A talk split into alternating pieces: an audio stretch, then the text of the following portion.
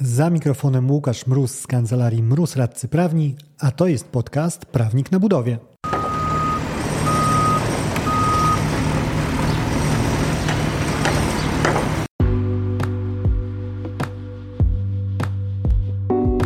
Prawnik na budowie. Podcast o wszystkim, co związane z budownictwem. Nazywam się Łukasz Mróz, jestem radcą prawnym i partnerem w kancelarii Mróz Radcy Prawni, w której na co dzień pomagamy firmom budowlanym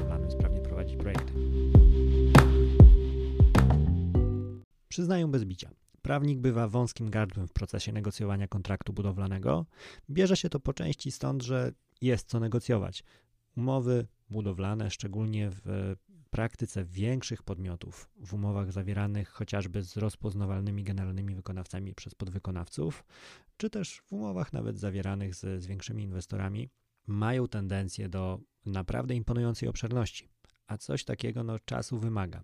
I tutaj nawet y, nie zawsze jest miejsce na powtarzalność, czyli na zoptymalizowanie czasu przez to, że nad jakimś kontraktem już pracowaliśmy, ponieważ bardzo często takie ogólne wzory warunków kontraktowych stosowanych przez generalnego wykonawcę, dajmy na to, trzymajmy się w tym odcinku tego przykładu, są modyfikowane najzwyczajniej w świecie adekwatnie do doświadczeń czy do zmiany jakichś polityk kadrowych albo strategii firmy. W takim przypadku okazuje się, że te nieszczęsne 60 do 80 stron na nowo trzeba przelecieć.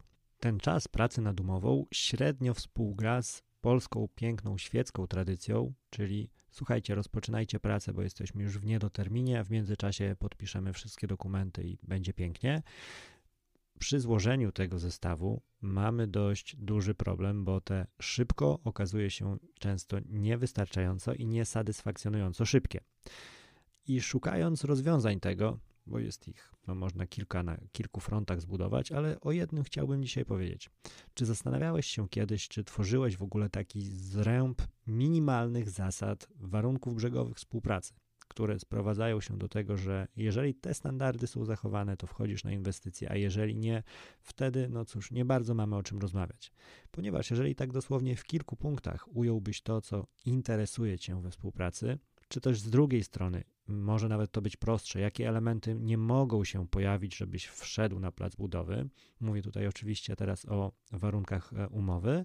Może się okazać, że już na starcie jako podwykonawca ustalisz z generalnym wykonawcą, czy w ogóle jesteście sobie pisani, czy jednak z tej mąki chleba nie będzie.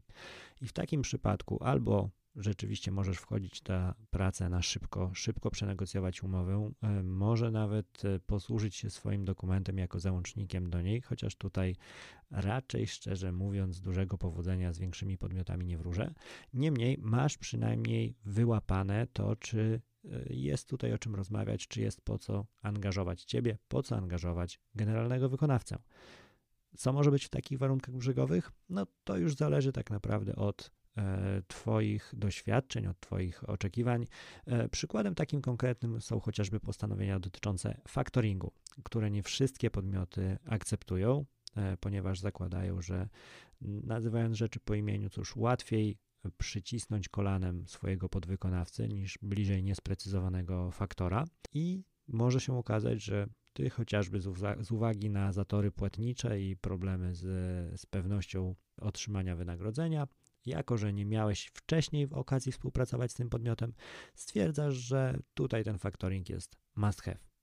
W takim kontekście, jeżeli już na starcie pokażesz, że to jest jeden z punktów koniecznych dla ciebie, a tego punktu twój kontrahent nie będzie w stanie ci zaoferować, okaże się, że te długie godziny poświęcone na negocjacje będą zbędne i będziesz mógł zająć się szybciej innymi projektami.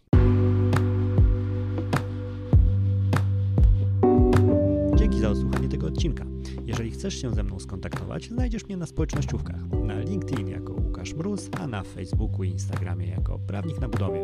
Bardziej klasycznie również przez maila biuromałpa kancelariamroz.pl. Do usłyszenia w kolejnym odcinku.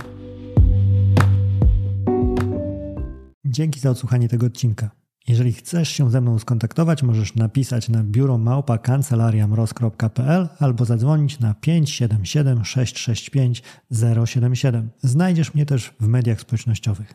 Na LinkedIn jako Łukasz Mróz, a na TikToku, Facebooku i Instagramie jako Prawnik na Budowie.